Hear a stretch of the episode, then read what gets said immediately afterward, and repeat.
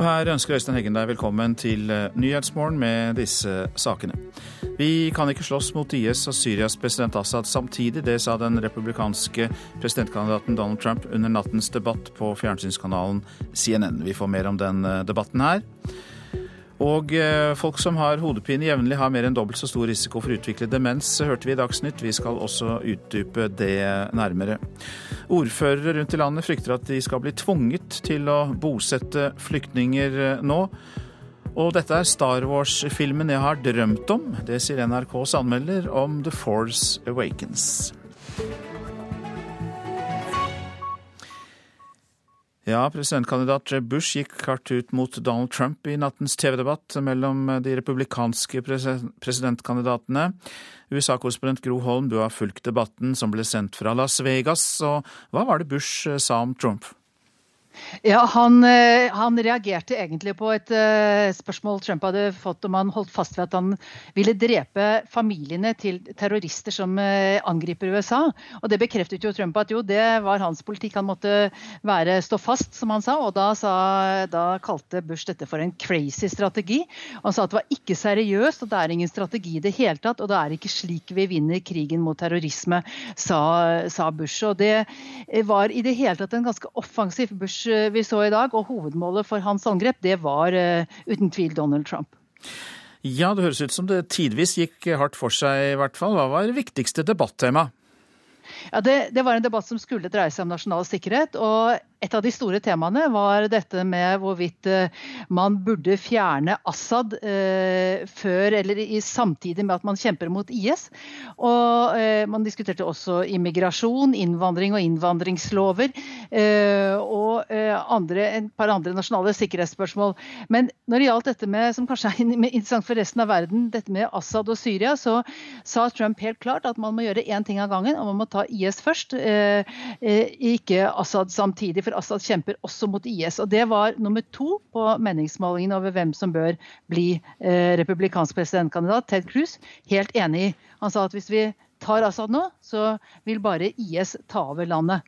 Eh, og det var flere som eh, var enige med dem, mens da eh, Marco Rubio bl.a., som ligger ganske godt an som nummer tre på meningsmålingene, han mener det er feil å skulle velge stabilitet og diktatorer framfor å kjempe da og prøve å felle dem og støtte menneskerettighetene isteden.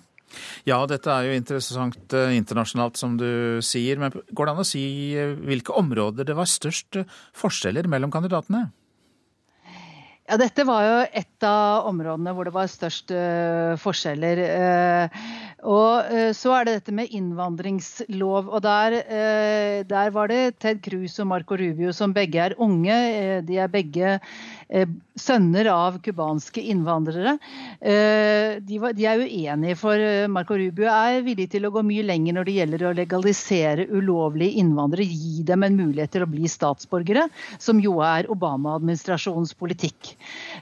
Mens Ted Cruz mener at dette er riv ruskende galt, og at, at man må være mye mer restriktivt, og at det er viktig først å stenge grenser og, og sørge for at det ikke kommer flere ulovlige innvandrere inn, og så får man se hva man gjør med de som er her allerede. Men i utgangspunktet så er han ikke for en, en slik eh, legalisering. Går det an å kåre hvilken kandidat som gjorde det best, eller i hvert fall hvem som var mest fremoverlent i denne debatten, Groholm? Det var flere som gjorde det bra. Jeg syns kanskje at Ted Cruz nå, som jo krabber oppover på meningsmålingene, at han også gjorde en veldig god debatt. Han virket veldig godt forberedt. Trump var heller ikke dårlig, gitt hans egne premisser. Han, eh, han eh, var ikke mer usaklig enn han har vært tidligere, i hvert fall. Og man kan kanskje være litt skuffet over Marco Rubio, som har alt å vinne på å komme på offensiven, som har gjort gode debatter tidligere. Han, han, gjorde det bra nå også, men han gjorde det på en måte ikke mer enn bra, og det var han helt avhengig av for å kunne samle sentrum eh, og på en måte de etablerte republikanerne, establishment som det kalles her.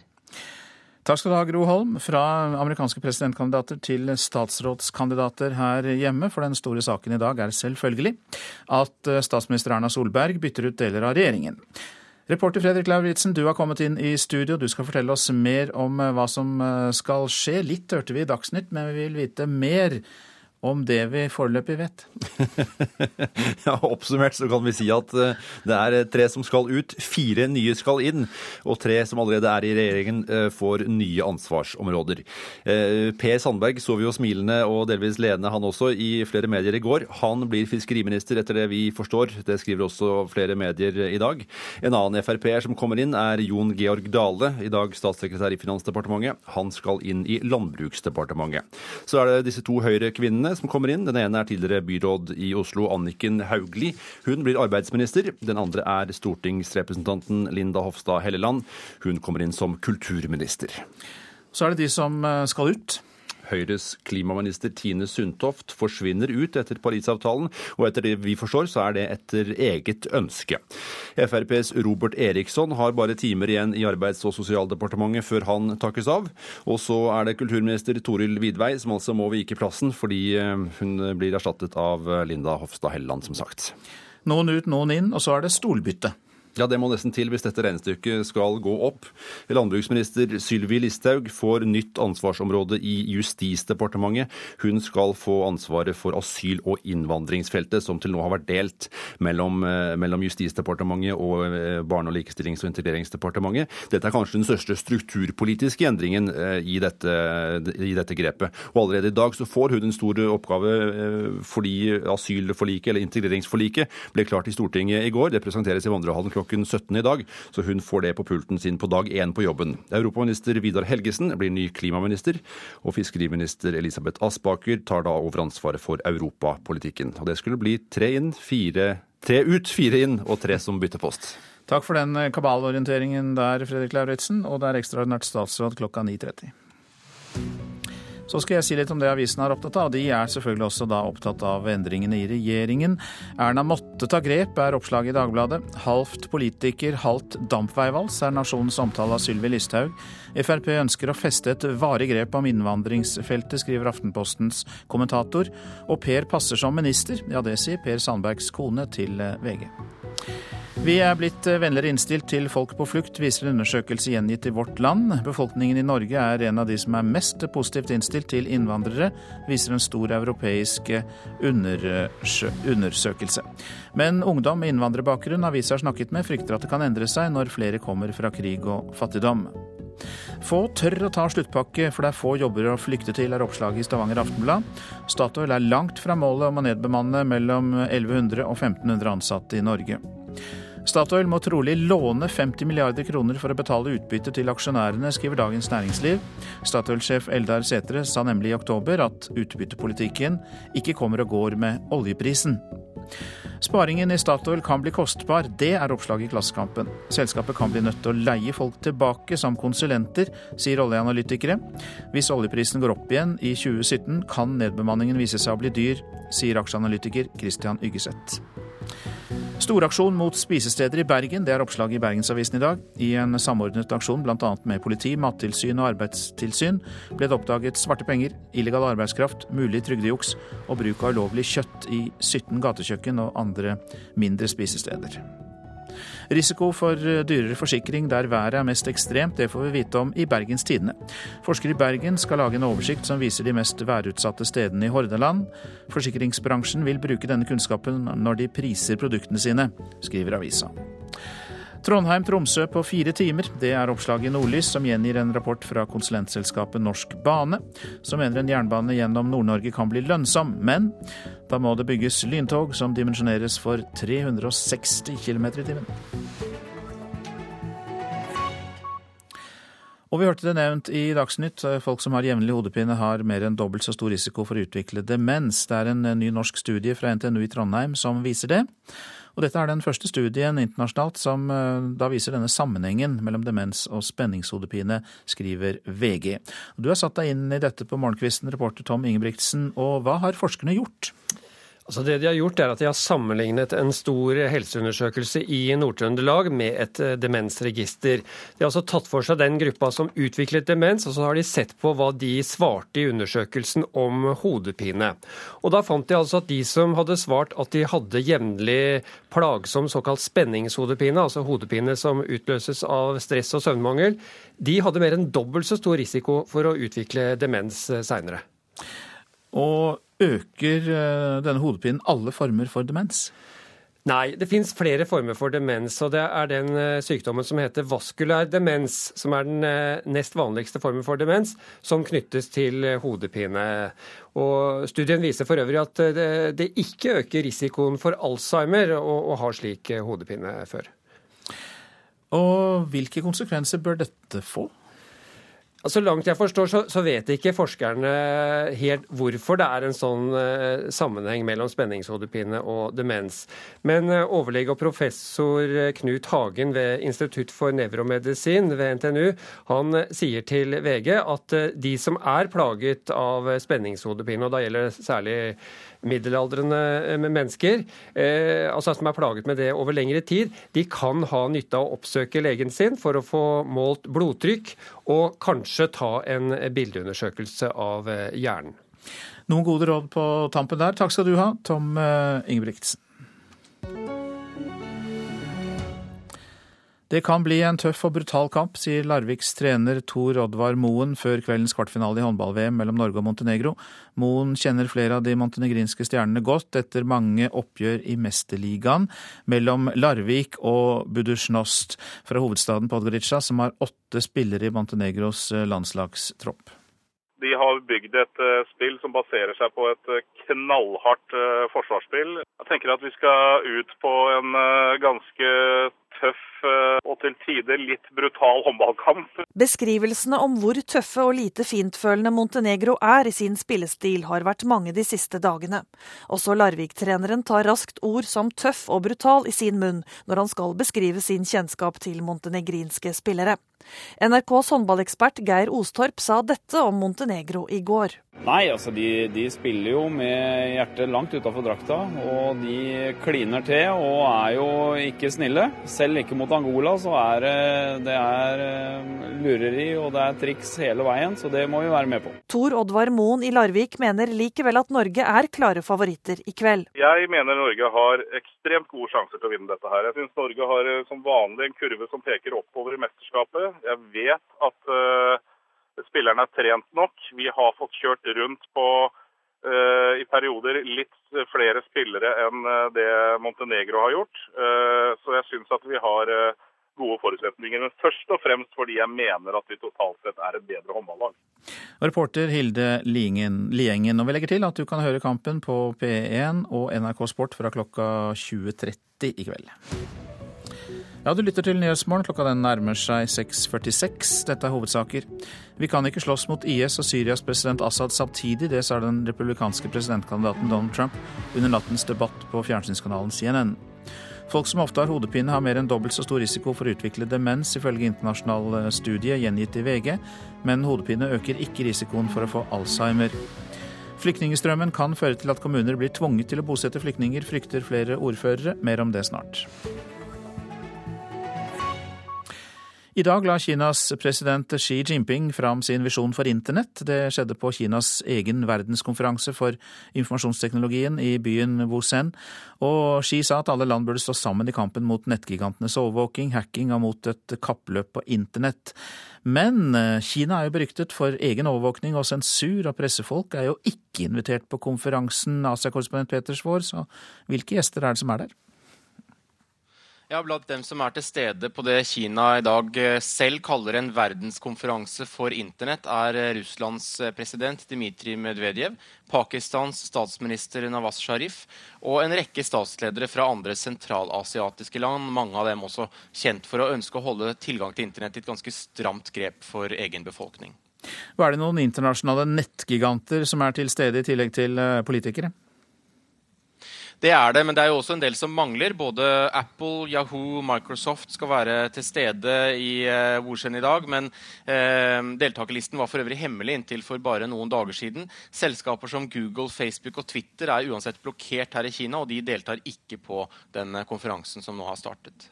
Nei, uh, Twitter er ikke til stede. Er det bare fordi de er boikottet? Kineserne har jo sin egen utgave av Twitter som heter Veiboa. Og dette landet har jo også fordi vestlige selskaper holdes ute, vært i stand til å bygge sine egne nettgiganter på mange måter. Det var for øvrig nettopp tweets på Veiboa som var kjernen i saken mot menneskerettsadvokaten Pu Xichang da saken mot han kom opp her i Beijing mandag i eh, denne uken. Og så har du Facebook, hvor eh, Facebook-sjef Mark Zuckerberg flere ganger har hatt møter med sjefen for Kinas internettadministrasjon, Lu Wei.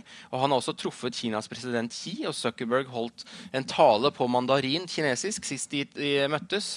Uh, han har jo lært seg kinesisk og er nok veldig interessert i å komme inn på det kinesiske markedet med dets 670 millioner nettbrukere. Men dette er vanskelig for vestlige selskaper. Google har forsøkt tidligere. De kunne ikke gå med på Kinas sensurkrav. Og Yahoo har hatt en uh, veldig vanskelig historie i Kina, hvor de fikk kraftig kritikk for å utlevere personopplysninger om en kinesisk dissident for noen år siden. Ja, Det snakker om er jo da altså Kinas egen konferanse om internett. Verdenskonferanse, intet eh, mindre. Og så er det da slik at eh, både Amnesty og Reportere uten grenser mener konferansen bør boikottes. Hvorfor det?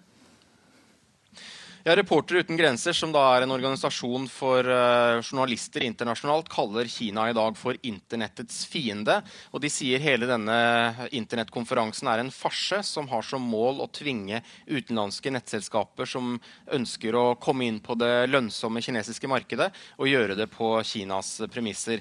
Uh, og Menneskerettighetsorganisasjonen Amnesty advarer i dag internasjonale nettgiganter mot å gi etter etter for fristelsen til å akseptere sensur mot å gå inn i Kina og sette prinsipper foran, prinsipp, eh, sette prinsipper foran profitt, er Amnestys beskjed til nettgiganten i dag. Mange takk skal du ha, Asia-korrespondent eh, Peter eh, Svår. Flyktningstrømmen til Norge kan føre til at kommunene blir tvunget til å bosette flyktninger, frykter flere ordførere NRK har snakket med. De to neste år skal norske kommuner bosette minst 39 000 flyktninger. Os i Hordaland er en av kommunene som ikke vil bosette så mange som staten ber om. Ordfører Terje Søviknes fra Frp frykter flyktningstrømmen vil føre til tvangsbosetting. Hvis dette blir et pålegg, så vil en møte stor stor motstand ute i Kommune-Norge. Det kan jeg garantere. Os og Frp-ordfører Terje Søviknes er en av kommunene som har valgt å ikke bosette så mange flyktninger som staten har oppmodet kommunen om å ta imot. Neste år skal kommunen ta imot 45 flyktninger, 20 færre enn det staten har bedt om. Søviknes mener det nå er ei reell frykt ute i kommunene for at en lokalt ikke lenger skal få velge hvor mange flyktninger en ønsker å huse. Frykten der ute i kommunene er nok at det vil komme føringer fra nasjonalt hold om at en må ta imot et gitt antall, eller at man gjør som i Sverige og åpner opp for fri bosetting eh, fra flyktningenes side. Eh, da kan vi få helt kaotiske tilstander og en opphopning av eh, flyktninger i enkelte kommuner som vil være svært uheldig for integreringa. De to neste åra skal kommunene bosette opp mot 40 000 flyktninger. Det er nesten dobbelt så mange som de to siste åra. Den siste tida har plasseringa av asylmottak skapt debatt i mange kommuner. Medan den endelige bosettinga er frivillig, har kommunen så godt som ingen påvirknad når asylmottakene skal plasseres. Uten tvil det mest krevende jeg har vært borti i mine år som ordfører. Det er veldig, veldig krevende. Senterpartiordfører i Radø, Jon Askeland, er en av ordførerne som har opplevd dette som krevende. Radøy hadde i utgangspunktet, akkurat som Os, takka nei til å ta imot alle de som staten ønsket at kommunen skulle ta imot. Etter at situasjonen har tilspissa seg, velger kommunen likevel å følge oppmodinga fra staten. Askeland tror kommunene må strekke seg langt, om en ønsker å beholde retten til å bestemme sjøl. Kommunene må erkjenne at vi har ikke gjort jobben godt nok frem til nå, med det normaltallet for asylsøkere som har kommet til Norge. For da at de har blitt sittende i alle fall to år på mottak, og IMDi har pressa på, og, og vi har vært eh, forsiktige. Reporter her, det var Sølve Rydland. I dag har Star Wars uh, The Force Awakens uh, premiere. Forventningene til denne filmen har vært enorme, og NRKs uh, anmelder Birger Vestmo mener det er Star Wars-filmen han har drømt om. There has been an awakening. Have you felt it? Denne anmeldelsen er fri for avsløringer. Faktisk vil jeg nesten ikke si noe om hva Star Wars The Force Awakens handler om. Det er overraskelsene, oppdagelsene og vendingene som gjør denne historien til en av seriens beste. Regissør JJ Abrams har gitt oss en Star Wars-film som er bedre enn det verden anno 2015 kanskje fortjener. Det her er en spektakulær, frisk start som setter prequel-filmene fra 1999 til 2005 i skammekroken, men står skulder til skulder med de originale. Mitt filmhjerte banker av fryd og glede over at en av verdens beste filmserier er tilbake på nivået der den hører hjem, nemlig på den absolutte toppen. Det her er Star Wars-filmen jeg har drømt om, og litt til. Følelsen av det gode, gamle Star Wars-universet er der med det samme, delvis takka være den flotte filmmusikken av mesterkomponist John Williams. JJ Abrams fører et modernisert filmspråk, men tar i bruk mange av de samme virkemidlene som George Lucas satte standarden for i den første Star Wars-filmen i 1977. Det males med brei pensel over galaksene, med store bilder av en ørkenplanet, majestetiske romskip, søte droider og kule stormtropper, gnistrende lasersverd, episke slag, kjappe X-Wings, Tie Fighters og kjempen Millennium Falcon. Alt er sjølsagt formidla med det Hollywood har å by på av moderne effektmagi, men filmen ser likevel ut som klassisk Star Wars.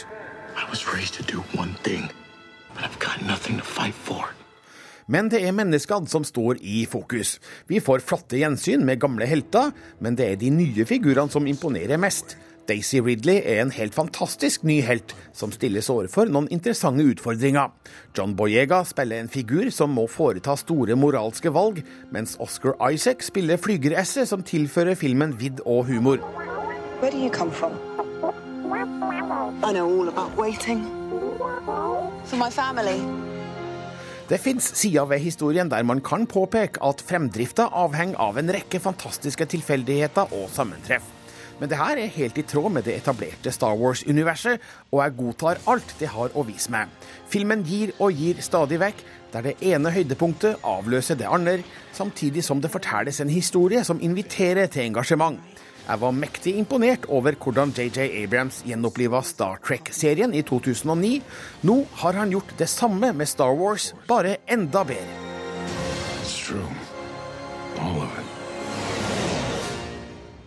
NRK-anmelder Birger eh, Vestmo eh, hørte vi der.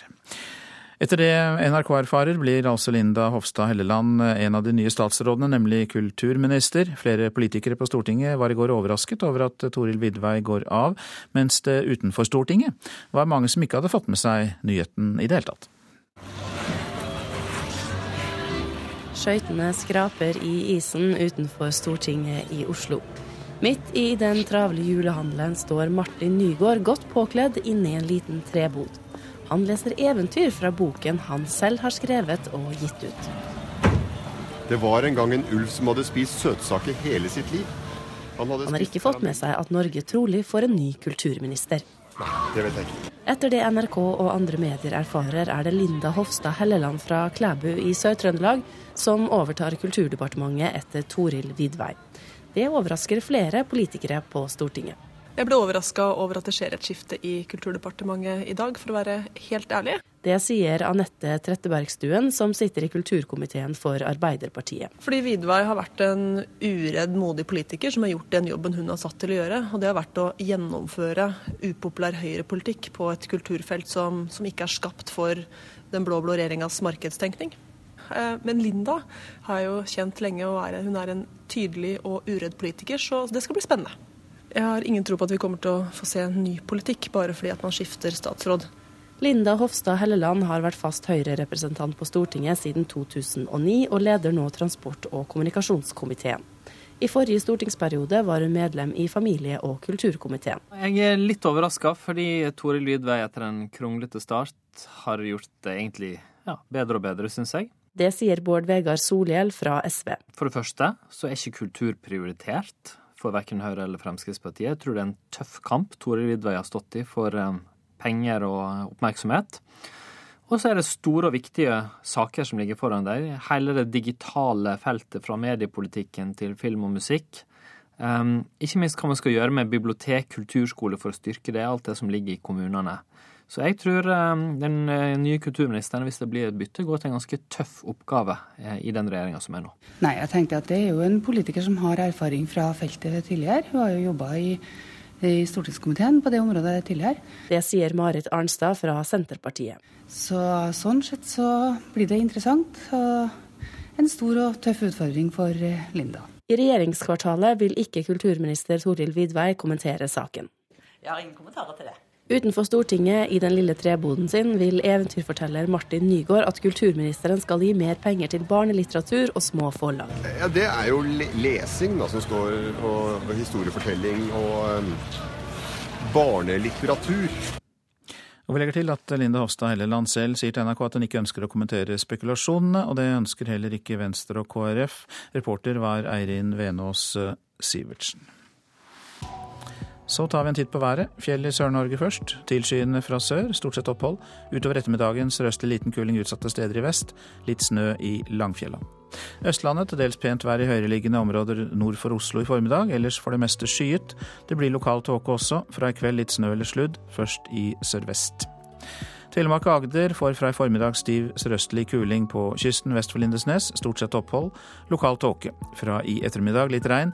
I indre strøk snø. Seinere til dels regn som fryser på bakken. Rogaland sørøst stiv kuling utsatte steder. Stort sett opphold.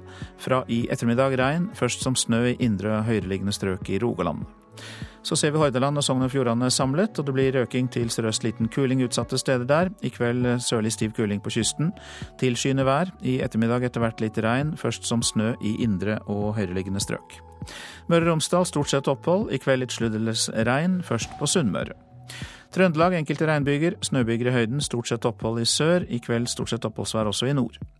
Helgeland regn og sludd, snø i høyden. Utover dagen avtagende nedbør. I kveld opphold. Saltfjellet, Salten, Lofoten, Ofoten og Vesterålen. Spredt sludd eller snø først på dagen, ellers stort sett opphold. I kveld litt sludd eller snø i Salten. Troms nordvestlig liten kuling utsatte steder. Snøbyger, men utover dagen avtagende byggeaktivitet. Kyst- og fjordstrøkene i Finnmark nordvestlig liten kuling utsatte steder. På kysten i øst stiv kuling, og så blir det snøbyger. Finnmarksvidda enkelte snøbyger i nord, ellers til dels pent vær. Og Nordensjøland på Spitsbergen pent vær kort og godt.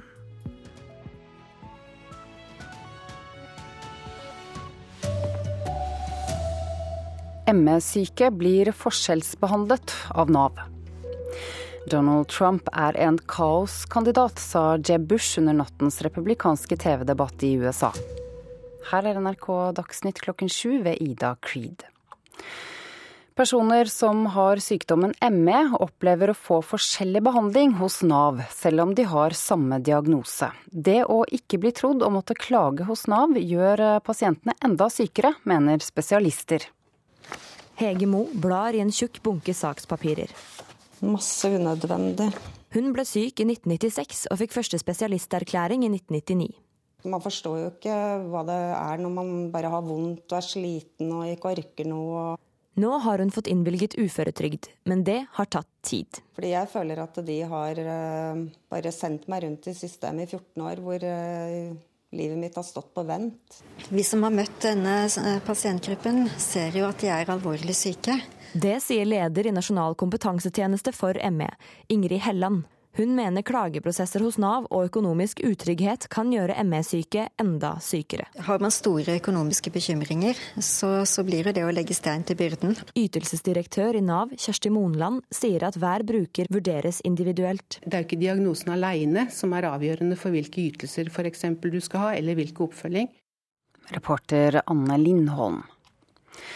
Jeb Bush gikk hardt ut mot sin motkandidat Donald Trump da republikanerne møttes til valgduell i Las Vegas i USA i natt. Bush ville vite om Trump sto fast på sine uttalelser om innvandring av muslimer. Ja, han, han, reagerte egentlig på et spørsmål Trump hadde fått om han holdt fast ved at han ville drepe familiene til terrorister som angriper USA. Og Det bekreftet jo Trump at jo, det var hans politikk. Han måtte være, stå fast, som han sa. Og da, sa, da kalte Bush dette for en crazy strategi. Han sa at det var ikke seriøst, og det er ingen strategi i det hele tatt. Og det er ikke slik vi vinner krigen mot terrorisme, sa, sa Bush. Og det var i det hele tatt en ganske offensiv Bush vi så i dag, og hovedmålet for hans angrep, det var uh, uten tvil Donald Trump. Det sa vår USA-korrespondent Gro Holm. Statsminister Erna Solberg presenterer endringene i regjeringen klokken 9.30 i dag. Fire nye kommer inn, tre må ut. Det er kortversjonen av regjeringsspekulasjonen det siste døgnet.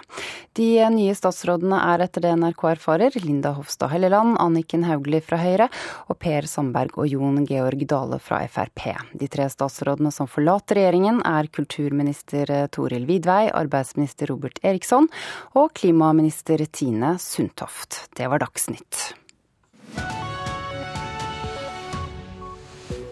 Og her i Nyhetsmorgen skal en advokat med spesialitet i trygderett kommentere det vi hørte i Dagsnytt, at Nav forskjellsbehandler personer med kronisk utmattelsessyndrom, ME.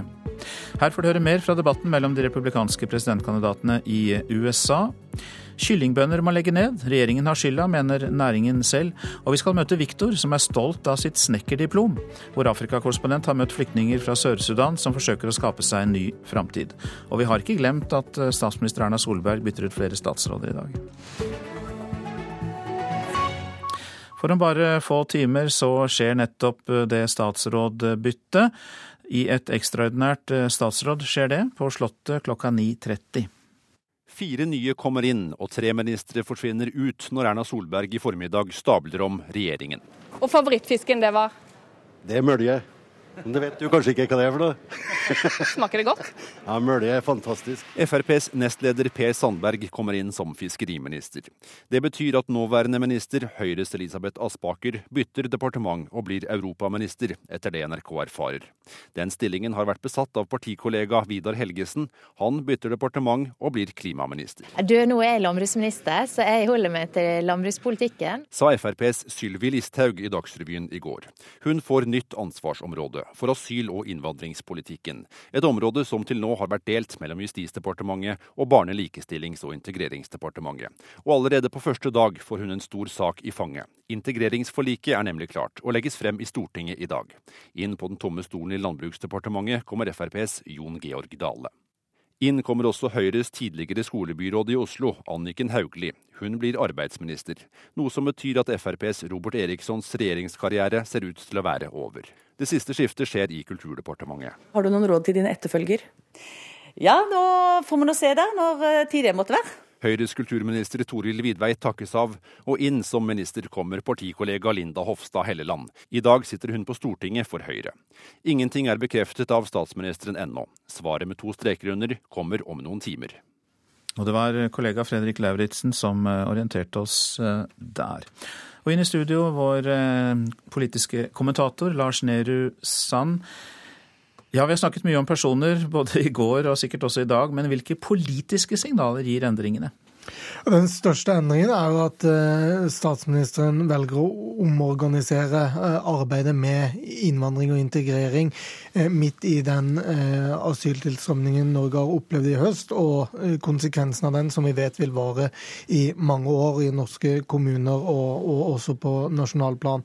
Det at man ser et behov for å organisere det annerledes, gi en egen statsråd kun det som ansvar, er det tydeligste politiske signalet å lese.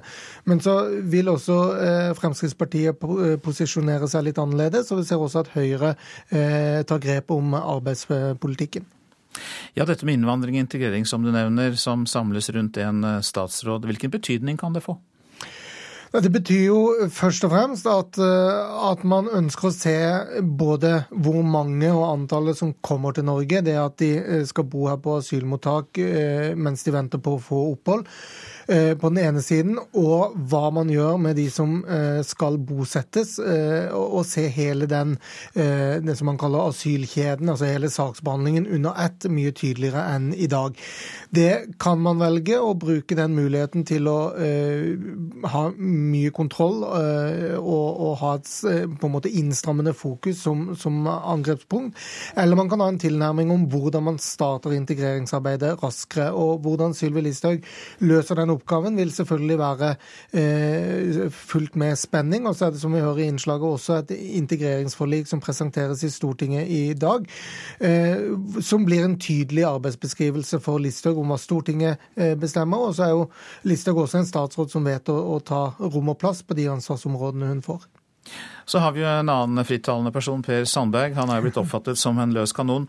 Han skal inn i regjeringen, han skal bli fiskeriminister. Betyr det at han ikke lenger kommer til å uttale seg om innvandring, eller ikke kan uttale seg om innvandring? Han får en mye mindre fri rolle eh, enn han har hatt. Eh, og så tror jeg nok at Per Sandberg eh, er umulig å dressere fullt ut for, for, de som er rundt han, men han er også eh, så politisk kløktig at han forstår sin rolle, og at rollen som statsråd er annerledes enn den rollen han har hatt. Eh, så er fiskeri kanskje et fagfelt man ikke forbinder først og fremst med, med Per Sandberg, men han får jo innad i regjeringskollegiet en, en mye mer eh, sentral rolle. Når regjeringen har møter, så vil han nok kunne rekke opp opp hånda og snakke om andre ting enn bare fisk, for det første. Og for det andre så er det jo et signal eh, at den eh, på en måte talerøret for eh, det regjeringskritiske eller regjeringsskeptiske Frp nå ser, seg, ser, det opportunt å gå inn i regjering. Han velger å bli en del av dette prosjektet, selv om mye av hans bakland, for å kalle det det, har, har, vært skeptiske til å gå inn i regjeringen. Nå mister de den frontfiguren de har hatt, fordi Per Sandberg Solberg eh, ønsker selv å gå inn i regjering, eh, og da er nesten det viktigere enn hva slags regjeringspost han får. Og så er det noen navn vi er blitt eh, vant til, og som nå byttes ut og forsvinner fra det skarpe rampelyset, i hvert fall. Er det et tegn på at de har gjort en dårlig jobb at de blir skiftet ut?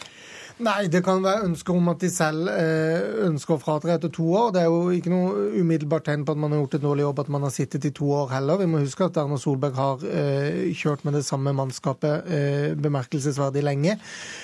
Og så er det selvfølgelig andre hensyn som både kjønn og geografi og, og altså, hvilke parti skal ha hvilket departement i den store kabalen. Og da, da gjør det at det er mange hensyn som statsministeren må ta. Hjertelig takk skal du ha i denne omgang, NRK-kommentator Lars Nehru Sand. Personer med kronisk utmattelsessyndrom, ME, opplever forskjellig behandling hos Nav, selv om de har samme diagnose. En overlege mener pasienter kan bli sykere av ikke å bli trodd, og være nødt til å klage på avgjørelsen fra Nav. Blitt mye. Hege Mo blar i en tjukk bunke sakspapirer. Masse unødvendig. Hun ble syk i 1996 og fikk første spesialisterklæring i 1999. Den sa at hun hadde diagnosen CFS-ME. Så jeg syns jo det var uh, greit å få satt et ord på hva det var. Fordi det er, altså man forstår jo ikke hva det er når man bare har vondt og er sliten og ikke orker noe. Nå har hun fått innvilget uføretrygd, men det har tatt tid. Fordi jeg føler at de har uh, bare sendt meg rundt i systemet i 14 år hvor uh, livet mitt har stått på vent. Men det er ikke alle som har hatt samme opplevelse. ME-syke Ragnhild von Harling Lien har bare møtt forståelse hos Nav. Det har hele veien vært veldig positivt. Da jeg ble møtt med forståelse og uh, sympati. Vi som har møtt denne eh, pasientgruppen, ser jo at de er alvorlig syke. Det sier leder i Nasjonal kompetansetjeneste for ME, Ingrid Helland. Hun mener klageprosesser hos Nav og økonomisk utrygghet kan gjøre ME-syke enda sykere. Har man store økonomiske bekymringer, så, så blir det å legge stein til byrden, og, og kan medføre at pasienten blir enda dårligere. CFS-ME er en omdiskutert diagnose, særlig siden den er symptombasert. For å kunne stille den må andre mulige diagnoser utelukkes. Dette er jo en tilstand med et typisk symptombilde. Og I tillegg så er det viktig å utrede pasientene for andre diagnoser som kan ha lignende symptombilder.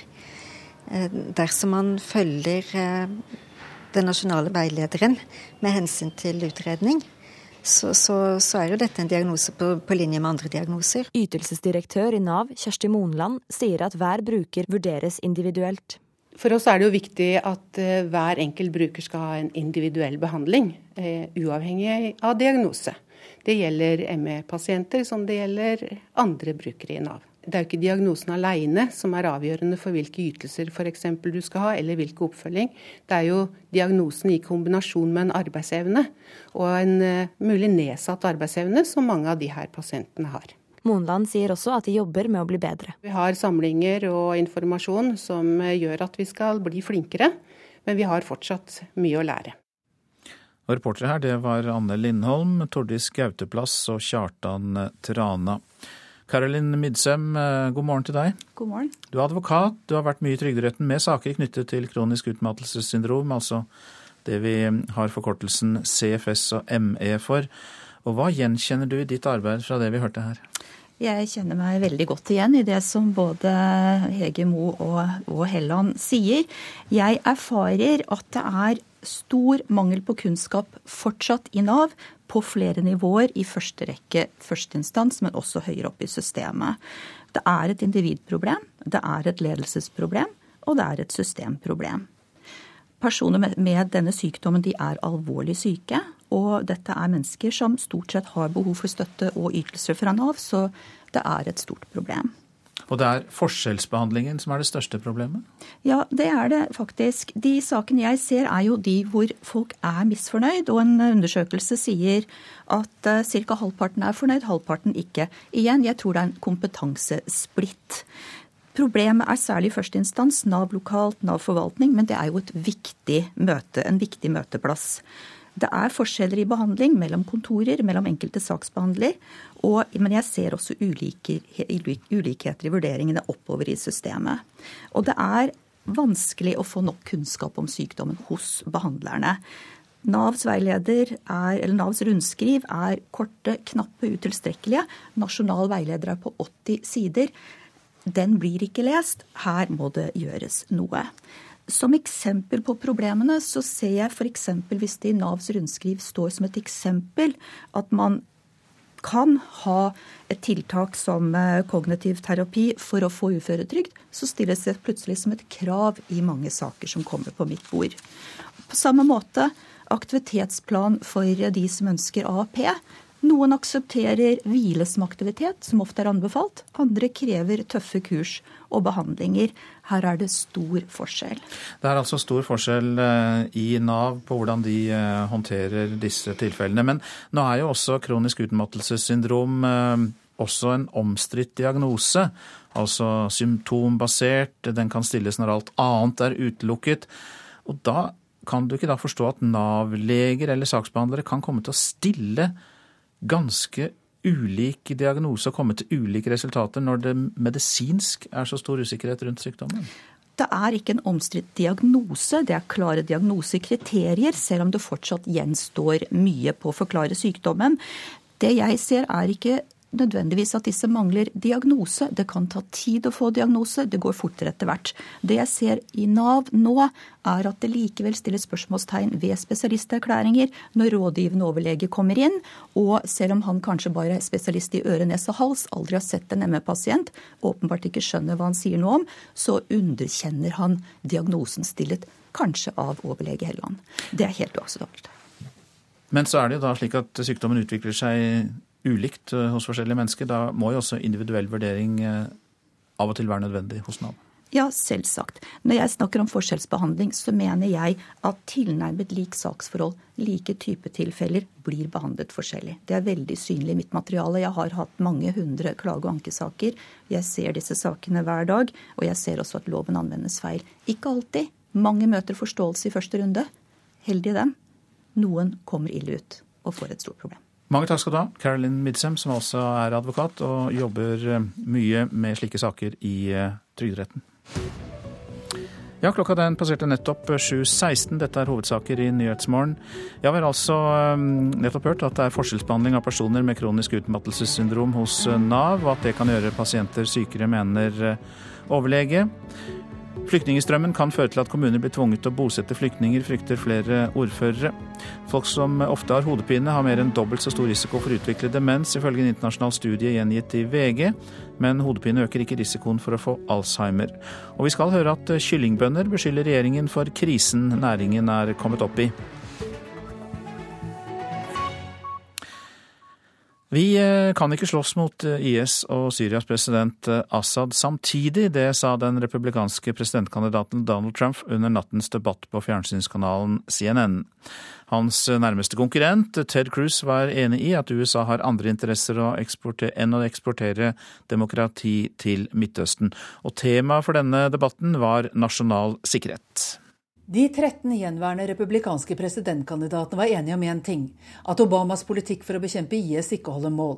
Men der stopper det. Ikke minst har de ulike syn på om USA bør forsøke å styrte Syrias president Assad. Her er mannen som leder på alle nasjonale meningsmålinger, Donald Trump. We have to do one thing at. We can't be fighting ISIS and fighting Assad. Assad is fighting ISIS. He's fighting ISIS. Russia's fighting now ISIS. And Iran is fighting ISIS. Vi må gjøre én ting av gangen. Vi kan ikke slåss mot IS og Assad samtidig. Han kjemper også mot IS. Det samme gjør Russland og Iran. Én ting av gangen, og det betyr IS først, sa Trump. Han fikk støtte av Ted Cruz, som nå ligger som nummer to på meningsmålingene om hvem som bør bli USAs neste republikanske presidentkandidat.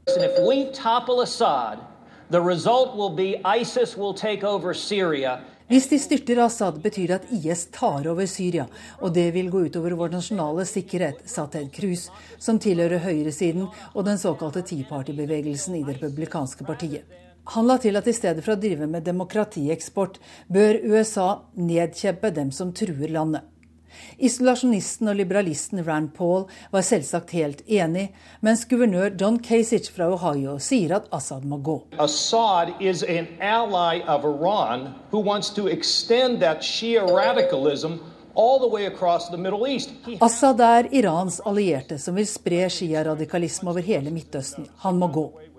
Senator Marco Rubio fra Florida forsøkte i natt å markere distanse i flere spørsmål i forhold til sin nærmeste konkurrent for øyeblikket, Ted Cruz.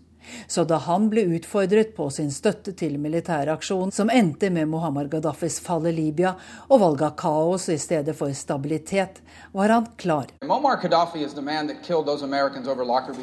Muhammad Gaddafi er mannen som drepte amerikanere over Lockerbie i Skottland og bombet en kafé i Berlin med amerikanske soldater, sa Rubio.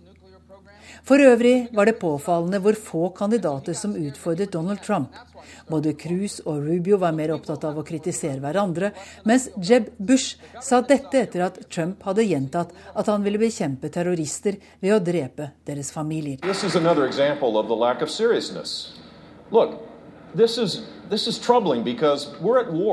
Dette er nok et eksempel på manglende seriøsitet. Vi er i krig og trenger en seriøs strategi.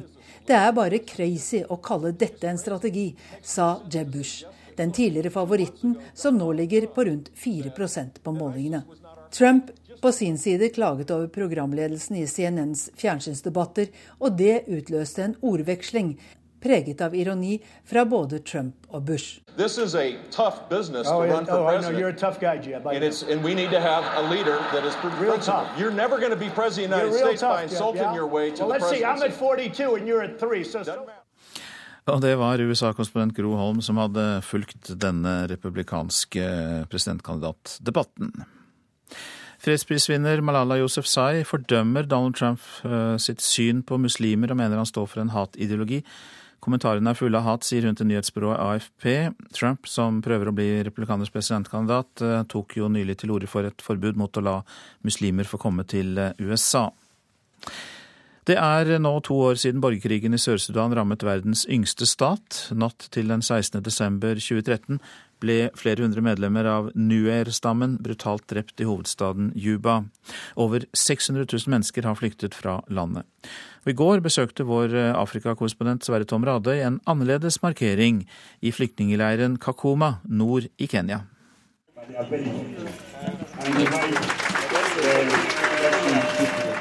Jubel i leiren, applaus.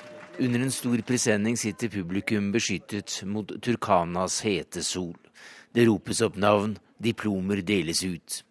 Victor Steven Young smiler under den hvite capsen. Han er 17 år. I hånda har han sertifikatet, beviset for bestått halvårig kurs i snekring.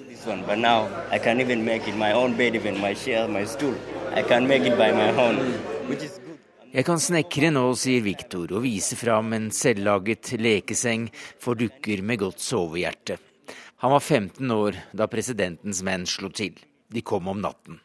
You know, when the war broke out in South Sudan, so we just ran elder skelter. Some ran their own ways. You, you know, you just ran. You don't. So my what happened to my parents, I don't even know. And what happened to my brothers, my sister, I don't even know. Cause where they have gone, I don't know. Vi rømte for livet, løp i alle retninger. Foreldrene mine, søsknene mine. Jeg vet ikke hva som skjedde med dem. Jeg ber til Gud om at de lever. I to år flyktet Viktor alene i Sør-Sudan. For et halvt år siden kom han hit. I to år har de gamle fiendene Rik Mashar og Salwa Kiir kjempet om makten, om oljerikdommer og posisjoner i verdens største sump. To millioner er drevet på flukt, mens presidenten og hans tidligere visepresident har skrevet under på avtaler de selv har brutt, før de forlot sine suiter og forhandlingsrom på Sheraton og Hilton i Addis Abeba og Arusha. Overgrepene er på det groveste. Flere peker mot domstolen i Haag. Ingen vet tallet på døde. De regnes i titusener. Avtalen som nå gjelder, gir håp, men er skjør, full av skjær og bryter stadig. Og ugjerningene fortsetter, særlig nord i landet. Men Viktor vil ikke fordele skyld. Han sier han ikke ønsker hevn, at hit til leiren i Nord-Kenya kommer dinka og nuer-folk hver eneste dag. De stammene som krigsherrene har mobilisert på slagmarken. Yeah, yes, past. So yeah. Her er vi alle flyktninger, vi må glemme fortiden, sier Viktor. Han står der i blå kjeledress med Flyktninghjelpens logo på brystet. Nå håper han på fred, så han kan dra hjem og snekre. And try to see the future. Yeah. Og så skal vi hjem til eh, norske aviser og det de er opptatt av. Endringen i regjeringen er tema for flere av dem. Erna måtte ta grep, er oppslaget i Dagbladet. Halvt politiker, halvt dampveivals er nasjonens omtale av Sylvi Listhaug. Frp ønsker å feste et varig grep om innvandringsfeltet, skriver Aftenpostens kommentator. Og Per passer som minister, sier Per Sandbergs kone Line Miriam Haugan til eh, VG. Vi er blitt eh, vennligere innstilt til folk på flukt, viser en ny undersøkelse gjengitt i Vårt Land. Befolkningen i Norge er en av de som er mest positivt innstilt til innvandrere, viser en stor europeisk undersøkelse. Men ungdom med innvandrerbakgrunn avisa har snakket med, frykter at det kan endre seg når flere kommer fra krig og fattigdom. Få tør å ta sluttpakke, for det er få jobber å flykte til, er oppslaget i Stavanger Aftenblad. Statoil er langt fra målet om å nedbemanne mellom 1100 og 1500 ansatte i Norge. Statoil må trolig låne 50 milliarder kroner for å betale utbytte til aksjonærene, skriver Dagens Næringsliv.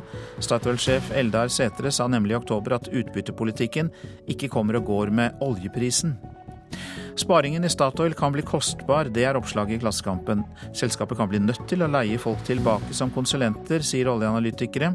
Hvis oljeprisen går opp igjen i 2017, kan nedbemanningen vise seg å bli en dyr løsning, sier aksjeanalytiker Christian Yggeseth. Storaksjon mot spisesteder i Bergen er oppslaget i Bergensavisen. I en samordnet aksjon har bl.a. politi, mattilsyn og arbeidstilsyn oppdaget svarte penger, illegal arbeidskraft, mulig trygdejuks og bruk av ulovlig kjøtt i 17 gatekjøkken og mindre spisesteder. Risiko for dyrere forsikring der været er mest ekstremt, får vi vite om i Bergens Tidende. Forskere i Bergen skal lage en oversikt som viser de mest værutsatte stedene i Hordaland. Forsikringsbransjen vil bruke denne kunnskapen når de priser produktene sine, skriver avisa. Trondheim-Tromsø på fire timer. Det er oppslaget i Nordlys, som gjengir en rapport fra konsulentselskapet Norsk Bane, som mener at en jernbane gjennom Nord-Norge kan bli lønnsom. Men da må det bygges et lyntog som dimensjoneres for 360 km i timen.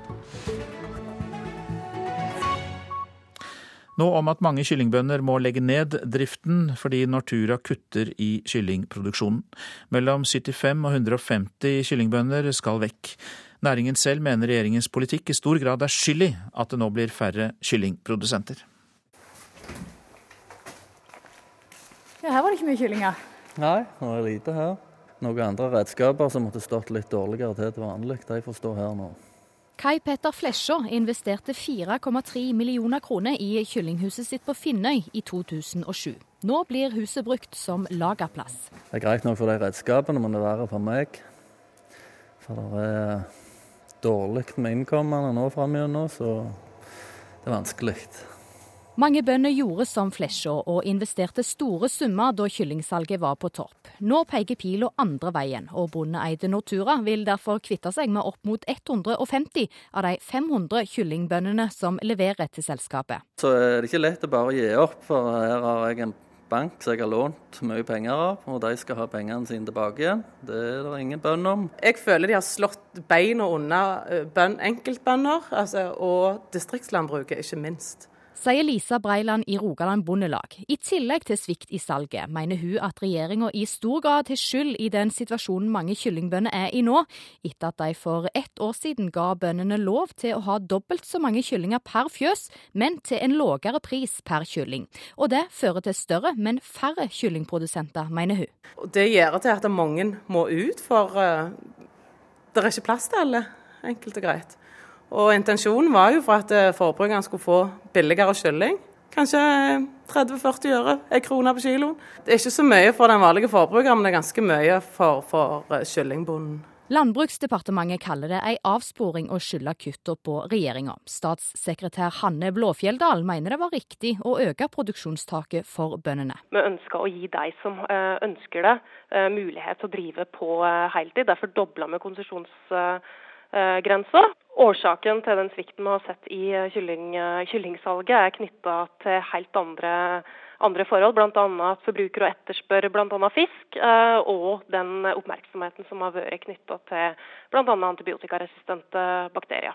Nortura oppretter nå et omstillingsfond, sånn at kyllingbøndene som gir seg, kan få hjelp til å gå over til andre næringer. For Kai Petter Flesja er imidlertid ikke det aktuelt, for det er den høye gjelda hans gjør at han ikke tror at en omstilling vil lønne seg. Han må likevel være med på å betale for de som legger ned. Nå trekker det det av oss andre som skal prøve å overleve dette, og da blir det vanskelig. Altså, Vi er nødt til å produsere med blylodd rundt halsen. Denne reportasjen var laget av Mari Friestad.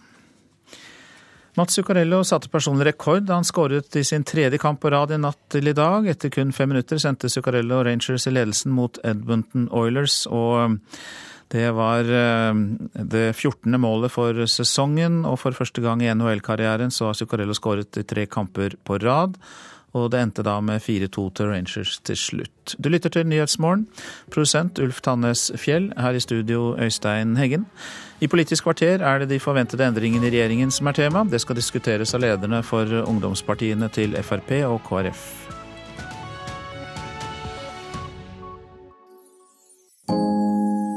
Jeg heter Hilde Hagerup.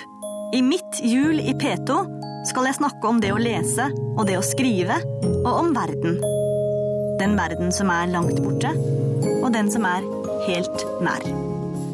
Møt forfatteren Hilde Hagerup, artisten Hanne Krogh og snekkeren Ole Torstensen i Jul i P2. Jul i P2. Starter lille julaften.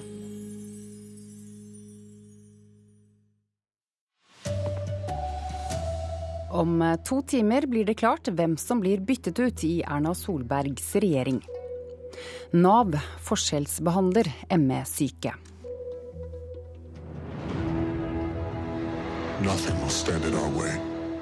I dag er det premiere på den nye Star Wars-filmen. Her er NRK Dagsnytt klokken 7.30 ved Ida Creed.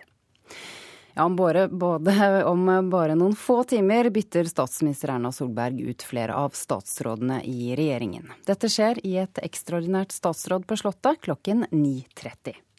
Fire nye kommer inn, og tre ministre forsvinner ut når Erna Solberg i formiddag stabler om regjeringen. Og favorittfisken, det var? Det er mølje. Men det vet du kanskje ikke hva det er for noe? Smaker det godt? Ja, Mølje er fantastisk. FrPs nestleder Per Sandberg kommer inn som fiskeriminister. Det betyr at nåværende minister, Høyres Elisabeth Aspaker, bytter departement og blir europaminister, etter det NRK erfarer. Den stillingen har vært besatt av partikollega Vidar Helgesen. Han bytter departement og blir klimaminister. Du, nå er jeg landbruksminister, så jeg holder meg til landbrukspolitikken. Sa FrPs Sylvi Listhaug i Dagsrevyen i går. Hun får nytt ansvarsområde for asyl- og innvandringspolitikken. Et område som til nå har vært delt mellom Justisdepartementet og Barne-, likestillings- og integreringsdepartementet. Og allerede på første dag får hun en stor sak i fanget. Integreringsforliket er nemlig klart og legges frem i Stortinget i dag. Inn på den tomme stolen i Landbruksdepartementet kommer FrPs Jon Georg Dale. Inn kommer også Høyres tidligere skolebyråd i Oslo, Anniken Hauglie. Hun blir arbeidsminister, noe som betyr at FrPs Robert Erikssons regjeringskarriere ser ut til å være over. Det siste skiftet skjer i Kulturdepartementet. Har du noen råd til dine etterfølger? Ja, nå får vi nå se der, når eh, tid det måtte være. Høyres kulturminister Toril Vidvei takkes av, og inn som minister kommer partikollega Linda Hofstad Helleland. I dag sitter hun på Stortinget for Høyre. Ingenting er bekreftet av statsministeren ennå. Svaret med to streker under kommer om noen timer. Ja, Det sa kollega Fredrik Lauritzen. Politisk kommentator her i NRK, Lars Nehru Sand. Navnene er én ting, men hva er det største politiske grepet i disse endringene? Den store endringen er jo at regjeringen utvides med én statsråd som eh, kun skal ha ansvaret for innvandring og integreringspolitikk. Man samler en fagportefølje. Det har jo Erna Solberg også hatt da hun var kommunalminister, men da hadde hun stort ansvar for landets kommuner i tillegg. Nå er det én statsråd som på full tid bare skal jobbe med innvandring og integrering, se det i sammenheng det ansvaret for Frp. Eh, det ligger mange politiske signaler i det. Per Sandberg, hvordan kommer han til å endre seg som politiker i regjering? Ja, Det er jo et annet stort spørsmål. Det er klart det mange vil jo, eh, det er åpenbart at Per Sandberg får en mindre fri rolle som statsråd og fagstatsråd enn han, eh, enn han har hatt som eh, frispiller i, i stortingsgruppen. Så har han jo vist seg at han ikke nødvendigvis alltid tar helt, helt regi, men han er også en politiker som skjønner sin rolle, og nå er, fremover vil rollen hans være å, å være statsråd. Høyres Anniken Hauglie kommer inn eh, som arbeids- og sosialminister. Hva er tanken bak at Høyre nå overtar dette feltet? Først og fremst at man vet at dette blir et av hovedangrepspunktene fra Arbeiderpartiet inn mot valgkampen i 2017, eh, med stigende arbeidsledighet osv. Så, videre. så det er viktig for Høyre som et solid styringsparti i norsk politikk eh, å ha kontroll på et, et sånt fagfelt, både i valgkamper med, men også i å få gjøre større strukturendringer, bl.a. med med eh, Nav og andre grep som må tas i den eh, posisjonen. Takk til deg, Lars Nehru Sand. Personer med kronisk utmattelsessyndrom, ME, opplever forskjellig behandling hos Nav, selv om de har samme diagnose. Overlege mener det å ikke bli trodd og måtte klage til Nav, gjør pasientene enda sykere. Hege Mo blar i en tjukk bunke sakspapirer. Masse unødvendig. Hun ble syk i 1996 og fikk første spesialisterklæring i 1999. Den sa at hun hadde diagnosen CFS-ME. Så jeg syns jo det var uh, greit å få satt et ord på hva det var. Altså, man forstår jo ikke hva det er når man bare har vondt og er sliten og ikke orker noe. Nå har hun fått innvilget uføretrygd, men det har tatt tid. Fordi jeg føler at de har uh, bare sendt meg rundt i systemet i 14 år hvor uh, Livet mitt har stått på vent. Men det er ikke alle som har hatt samme opplevelse. ME-syke Ragnhild von Harling Lien har bare møtt forståelse hos Nav. Det har hele veien vært veldig positivt. Da jeg ble møtt med forståelse og eh, sympati. Vi som har møtt denne eh, pasientgruppen, ser jo at de er alvorlig syke. Det sier leder i Nasjonal kompetansetjeneste for ME, Ingrid Helland.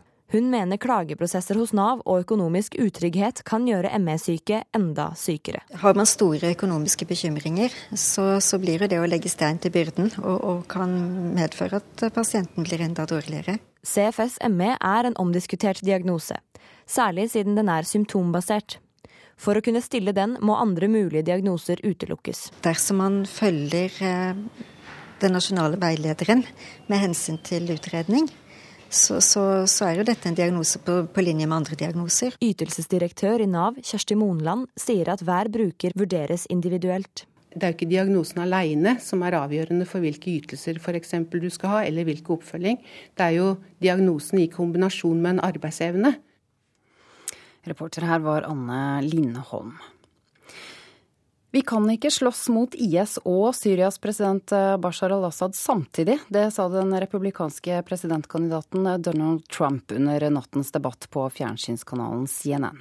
Hans nærmeste konkurrent Ted Cruz var enig i at USA har andre interesser enn å eksportere demokrati til Midtøsten. Tema for debatten var nasjonal sikkerhet. De 13 gjenværende republikanske presidentkandidatene var enige om én ting at Obamas politikk for å bekjempe IS ikke holder mål. Men der stopper det. Ikke minst har de ulike syn på om USA bør forsøke å styrte Syrias president Assad.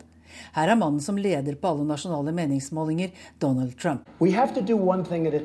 We can't be fighting ISIS and fighting Assad. Assad is fighting ISIS. He's fighting ISIS. Russia's fighting now ISIS. And Iran is fighting ISIS. Vi må gjøre én ting av gangen. Vi kan ikke slåss mot IS og Assad samtidig. Han kjemper også mot IS. Det samme gjør Russland og Iran. Én ting av gangen, og det betyr IS først, sa Trump. Han fikk støtte av Ted Cruz, som nå ligger som nummer to på meningsmålingene om hvem som bør bli USAs neste republikanske presidentkandidat.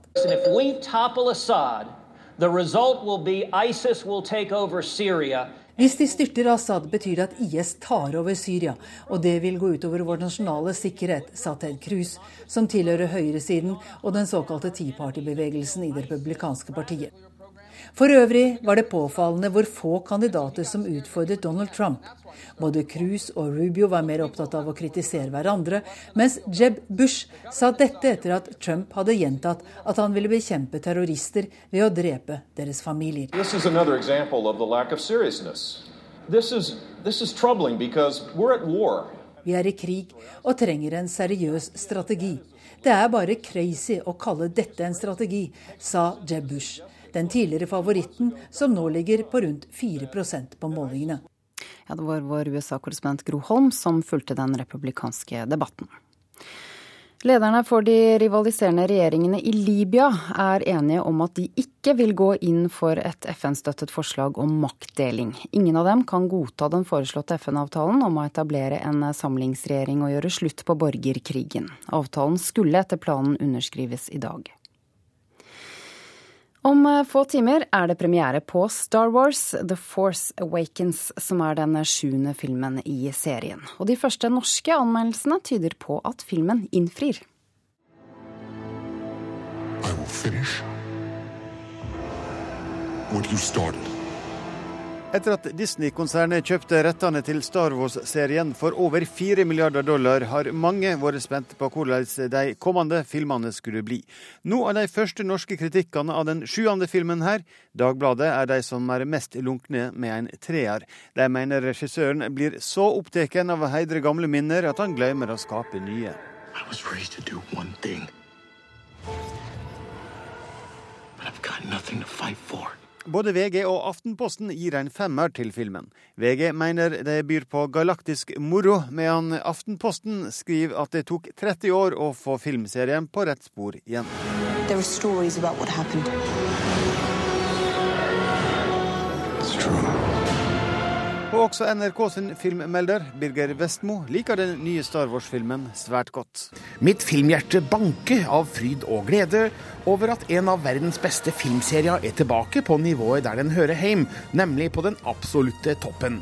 Det her er Star Wars-filmen jeg har drømt om, og litt til. Reporter Espen Alnes. Ansvarlig for Dagsnytt denne morgenen er Sven Gullvåg.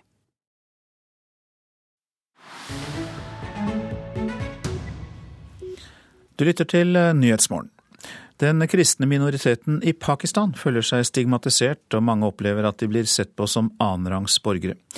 Men før jul så deltar tusener av dem i kristne julefestivaler.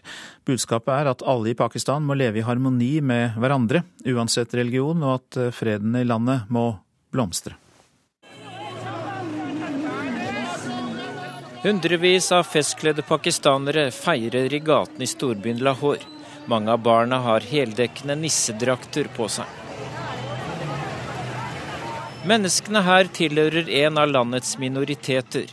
De kristne utgjør knapt 4% av en befolkning dominert av muslimer. Ved inngangen til julehøytiden har de som deltar på denne festivalen et budskap til alle i Pakistan, uansett religion.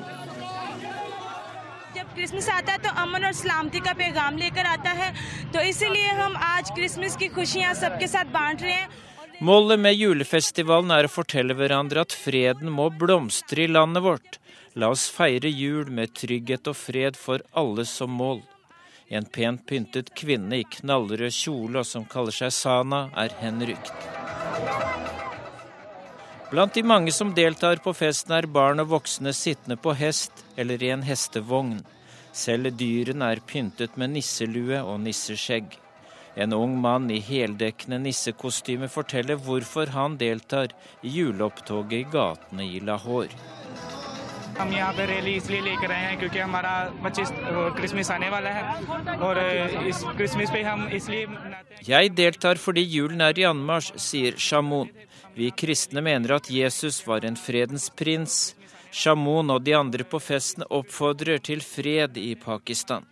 Mange andre har valgt å ikke være med på feiringen av frykt, for det har vært flere angrep på den kristne minoriteten de siste årene.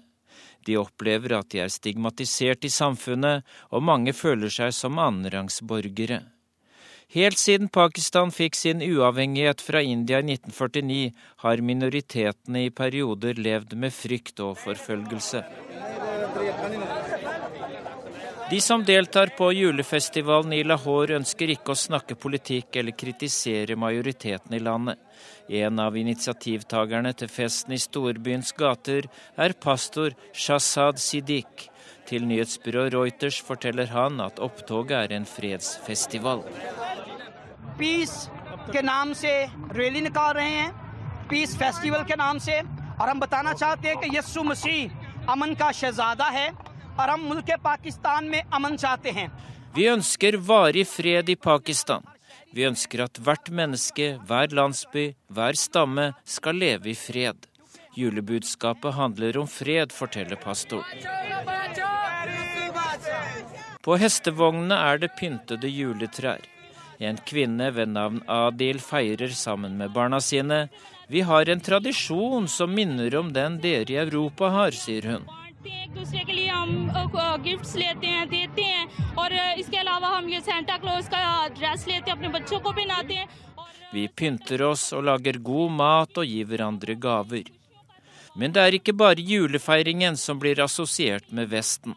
Mange opplever at den kristne minoriteten som helhet blir assosiert med USA og Europa. Etter at landet ble en av USAs allierte i kampen mot terror etter 11. september, har det vært spesielt belastende å bli assosiert med Vesten. Men det er ikke motsetningene i det pakistanske samfunnet de feststemte vil fokusere på nå i førjulstiden, men heller ønske om at freden skal blomstre for alle i landet. Den reportasjen var laget av Dag Bredvei. Du lytter til Nyhetsmorgen, dette er eh, hovedpunkter. I formiddag bytter statsminister Erna Solberg ut flere av statsrådene i regjeringen. Det skjer i ekstraordinært statsråd klokka 9.30. Det er forskjellsbehandling av personer med kronisk utmattelsessyndrom hos Nav. Det kan gjøre pasientene sykere, mener overlege. Folk som ofte har hodepine, har mer enn dobbelt så stor risiko for å utvikle demens, ifølge en internasjonal studie gjengitt i VG, men hodepine øker ikke risikoen for å få Alzheimer. Og lederne for de rivaliserende regjeringene i Libya er, ikke, er, enige om at de ikke vil gå inn for FNs forslag om maktdeling. Ingen av dem kan akseptere den foreslåtte FN-avtalen om å etablere en samlingsregjering. Og så er det Politisk kvarter, som i dag er ved Astrid Randen.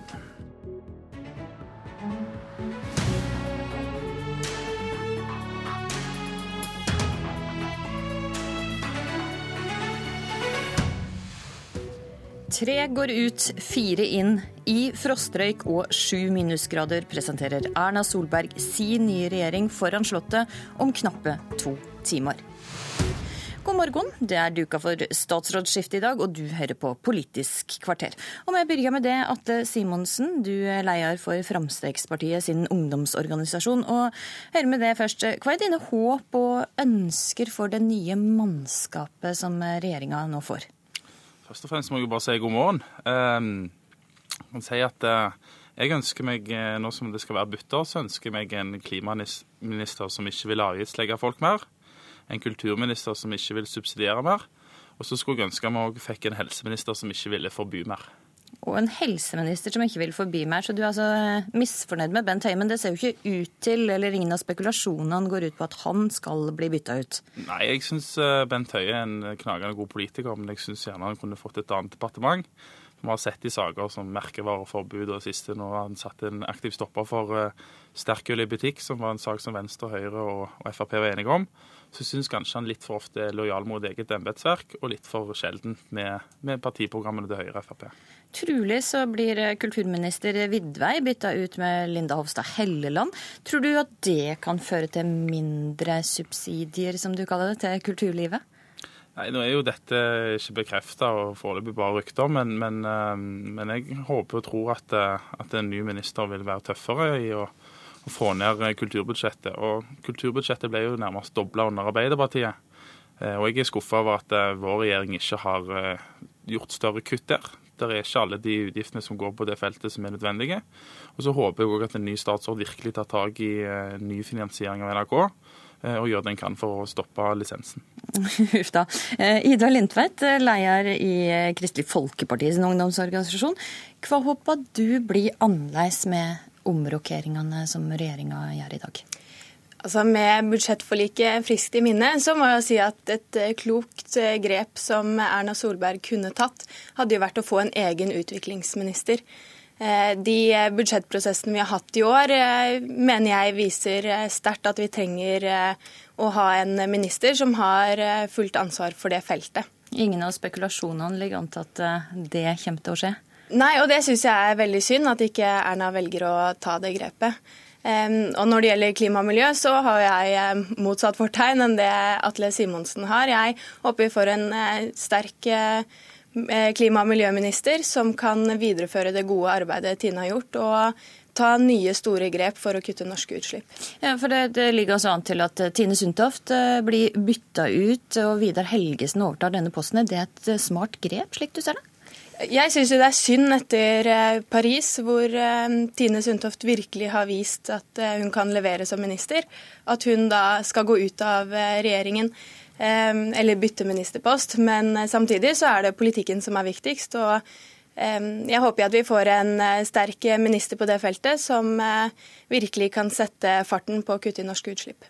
En av endringene som har skapt mest oppmerksomhet, er at Frp sin nestleder og sjølutnevnte vaktbikkje Per Sandberg nå skal inn i regjering.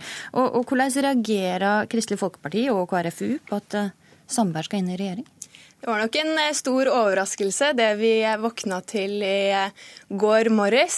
Nå er jo ryktene om at han skulle bli i så fall integreringsminister avkreftet. Pusta du letta ut da? Ja, jeg gjorde jo det. Det er klart at han har vært en av de som virkelig har bidratt til å øke avstanden mellom KrF og Frp med diverse utspill. Eh, samtidig som vi vet at eh, Per Sandberg også kan være veldig konstruktiv. Han satt jo også i dette ekspertutvalget som ble satt ned for å se på bistandsbudsjett og innretningene der. Og Der fikk jo KrF store gjennomslag f.eks. For, for økte bevilgninger til eh, sivilsamfunnet. Så hvis Per Sandberg velger å ta en konstruktiv rolle som minister, så kan det være mer positivt enn den rollen han har spilt i nå. Mm, Atle Simonsen, er du glad for at Sandberg skal inn i regjering? Ja, jeg syns Per eh, ja, Hvis han skal inn i regjering, så er jeg sikker på at han kommer til å gjøre en, en kjempegod jobb der òg. Eh, sånn som han har gjort for partiet. Jeg er først og fremst veldig glad for at han er nestleder i partiet og gjør en utrolig bra jobb for medlemmene i Frp.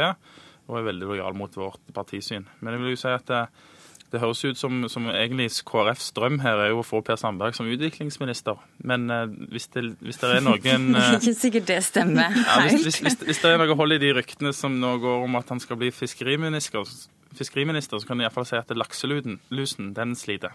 Den sliter, men, men flere Frp-ere sier til NRK at de frykter at partiet mister folkelighet, og at uh, Sandberg blir litt mer knebla hvis han går inn i regjering. Er du en av deg, Atle Simonsen? Jeg tror Per, per uansett uh, hvilken posisjon han vil være i. Uh, og jeg vil jo si at hvis han blir statsråd, og inn i regjeringen, så tror jeg aldri det har vært mindre avstand mellom folk flest og toppene i regjeringen. Eh, og au pair vil jo i tilfelle være en representant for, eh, for hele folket, og en, en fyr som, som, snakker med folk og ikke til folk, og det syns jeg ville vært, eh, vil vært, positivt i en regjering. Men er det ikke slik at stortingsgruppa til Frp da mister ei viktig stemme og en slags uh, lynavleder, som han ofte har blitt kalla? Jeg tror Per ville vært savna uansett hva posisjon han trådte ut av og uh, inn i. Uh, men men stortingsgruppa består av veldig mange dyktige personer. Og hvis det er noen som forsvinner til andre steder, så er det andre som må fylle de rollene. Ida Lindtveit, tror du samarbeidet med Frp i regjering kommer til å bli enklere når Per Sandberg er i regjering og ikke utenfor, slik han har vært til nå? Nå vet ikke jeg hva slags eh, rutiner man har eh, innad i regjeringen når det gjelder uttalelser på andre sine områder f.eks. Men det er klart at eh, Per Sandberg har jo vært en person som har uttalt seg på mange ulike områder i tiden som stortingsrepresentant, og ofte kritisk til samarbeidspartiene. Og som en del av en regjering så må han jo tydeligere stå på regjeringens politikk og følge den i sine uttalelser. Og det gjør jo kanskje at Frp i mindre grad opptrer både som et regjeringsparti og opposisjonsparti enn det jeg har hatt følelsen av at de har gjort til nå. Et lite håp fra eh, KrFU der, eh, Simonsen. Tror du det kommer til å skje? Jeg tror Frp kommer til å være Frp uansett om vi sitter i regjering eller ikke. Det viktigste er å vise våre velgere hva som er vårt partiprogram og det de har stemt på, og hva de får gjennomslag for. Ehm, så kan en si at om Per har vært kritisk til samarbeidspartiene, så har jo samarbeidspartiene vært omtrent like kritiske til både han og ja, egentlig hele regjeringen de siste to åra. Så, så, det må man på en måte bare tåle, mener jeg. Den krangelen har vært toveis, det har du helt rett i. Atte Simonsen og Ida Lindtveit, takk for at det kom til Politisk kvarter.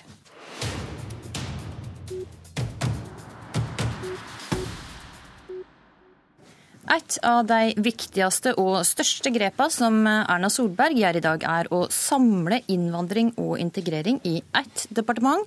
Og denne posten går til, etter det vi erfarer, til Sylvi Listhaug. Politisk redaktør i Dagens Næringsliv, Kjetil B. Alstheim.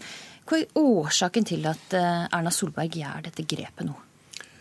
Eh, jeg tror det handler en del om hennes egen erfaring fra da hun var kommunalminister i, i Bondevik II-regjeringen og hadde hele ansvaret. Altså ansvaret både for å eh, kaste grunnløse asylsøkere ut og eh, få bosatt flyktninger eh, i kommunene. Eh, og når det har blitt et såpass, eh, et, en såpass stor sak med den, det store antallet med flyktninger som kommer hit, så, så handler det om å få satt av én statsråd som har ansvar for, for begge deler. Eh, og som øker trykket på, på den, den, saken. Mm. Lars Nehru Sand, kommentator her i NRK. Hva tror du denne endringa, denne samlinga, vil ha å si i praksis? Den kan brukes til to ting. Den kan både brukes til å virkelig eh, øke trykket på, på retur og, og, kontroll av liksom det regimet staten skal ha mot, eh, mot den enkelte, eh, som enten da skal bli i Norge eller ikke bli i Norge. Men den kan også brukes til å få en hurtigere integrasjon, få større samspill mellom kommuner til å samordne en del tilskuddsordninger for asylmottak for de som skal være midlertidige, og bosettingstilskudd for de som skal være langvarig. Eh, en del av ordningene, en del av byråkratiet rundt det, som kan få en mer sømløs eh, innretning hvis man eh, velger det. Og så er jo da spørsmålet om Frp vil Hvor sterkt Frp vil, vil prioritere det som handler om å få et hurtigere integreringsløp. Det vil jo sentrumspartiene være interessert i. Eh, eller om de toner ned det. Det blir spennende å se. Eh, og så vet du at Sylvi Listhaug er en politiker som ikke bare liker konflikt, men i gitte tilfeller kan, kan tenkes å søke konflikt. Og hvordan det påvirker det borgerlige eh, samarbeidet, blir også spennende å se. For det kan ha en, en konstruktiv effekt at man får samla dette med, til ett ansvarsområde, men det kan også slå motsatt ut. Ja, Kjetil Alstheim, altså, hvorfor, hvorfor gir eh, Høyre denne statsrådposten til Frp? Det er, jo, det er Fremskrittspartiets ansvarsområde i utgangspunktet. Bare at det flyttes fra Solveig Horne og Anders Anundsen til, til en ny statsrådspost i Justisdepartementet. Eh, så, eh, og Sylvi Listhaug kommer jo til å være en, en, veldig synlig og profilert statsråd på det området. Og det kan jo slå litt begge veier for Fremskrittspartiet. For på den ene siden skal hun da være den, den tøffe og strenge som sørger for å, å, få ned antallet eh, flyktninger og asylsøkere. På den andre siden er det hun som nå har ansvaret for å få, få til bosetting, få flyktningmottak ut i kommunene. Sånn at når, når folk protesterer mot et nytt flyktningmottak eller hva det nå skal være, så er det Sylvi Listhaug de skal protestere mot. Og tviler du litt på hennes diplomatiske evner? Hører det dit? Ja, det, det, det kan, kan, kan, jo være grunn til å spørre om, men det er noe med at det blir enda synligere at det faktisk er Fremskrittspartiet som har ansvaret når det kommer et nytt asylmottak i folks kommune. Mm.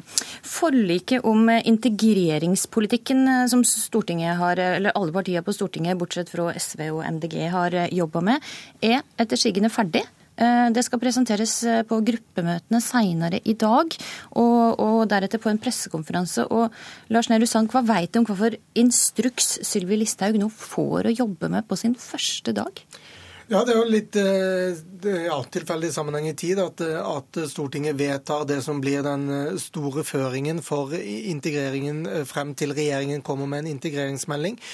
Der vil man si tydelig fra at man forventer at kommunene bidrar til å, å bosette flere enn i dag. Man ber regjeringen sette av veldig mye mer penger til kommunene for å kunne ta, ta den jobben. Man ber om en ny gjennomgang av av det integreringsprogrammet som, som, har vært i dag. Man ser at standarden på den er for høy, både på opplæring og, og hva kommunene skal gjøre. At nå kommer det så mange at man må ha si, mindre rigide rammer for det. Eh, man gjør eh, grep for enslige mindreårige asylsøkere og hvordan de skal bosettes. Eh, sikre barnefaglig kompetanse der hvor de skal bo. Vurdere, vurdere, gratis kjernetid også for asylbarn som ikke ennå har fått opphold. Så man gir en, en ganske kompleks og, og tung smørbrødliste til Sylvi Listhaug på en første arbeidsdag. Eh, over 60 punkt eh, hun får å, å jobbe med. Å jobbe med. Ja, nemlig. Du, vi må snakke også litt om Per Sandberg, altså trolig da den kommende fiskeriministeren. Han har vært en av de som har snakka regjeringa midt imot, vært en lynavleder eller en talerør for opposisjonen. og Kan han fortsette med denne rolla i regjering, Alstein? Altså, per Sandberg kommer jo til å fortsette å være Per Sandberg. Men, eh, jeg tror, men jeg tror han er veldig klar over selv at han nå endrer rolle. Eh, han har jo vært tydelig på hvilken rolle han, han, har definert for seg eh, frem til nå, nemlig å være et talerør for grasrota i partiet, og at hans lojalitet ligger hos Fremskrittspartiets landsmøte. Nå må hans lojalitet ligge eh, til regjeringen, og han må være et talerør for regjeringens politikk. Så det blir annerledes. Mm. Og så får, får, han mye mindre tid. Det å være statsråd er ekstremt tidkrevende. Han kommer til å bli slukt av, av det å være et medlem av regjeringen og det å håndtere eh, fiskeriministerposten med, med, lakselus, som vi har vært innom eh, tidligere her, og hele oppdrettsnæringen og de endringene som er lagt frem i fiskeripolitikken. Så han får mindre tid til å eh, å, å, lage ugagn. Vil dette være en fordel for Venstre og KrF at Sandberg kommer i regjering og ikke sitter utenfor? Han får i hvert fall en, en mindre fri rolle, som det blir sagt. Og så, og så er han Så vil han jo eller, spørsmålet er jo om stortingsgruppen til Frp, hvordan det nå blir Altså hvem skal nå Eh, taler regjeringen eh, midt imot, og hvem skal nå utfordre eh, KrF og Venstre. Det trenger jo ikke være en som gjør det bedre sett med KrF og Venstre øyne enn det Per Sandberg har gjort. Det kan jo komme, komme noen andre i det hva skal jeg si for noe opposisjonsmaktvakuumet som da blir etter Sandberg. Men, men, jeg tror det er ingen andre som har, vil ha den samme tyngden som det Per Sandberg har hatt. Det får vi vente og se. Kjetil Alstheim, Lars Nehru Sand, takk for at det var med i Politisk kvarter. Når Erna Solberg skal ut i minusgradene foran Slottet, sender vi sjøl sjølsagt direkte på Alltid nyheter, NRK1 og nrk.no. Det var eh, Politisk kvarter. I studio denne morgenen var Astrid Randen.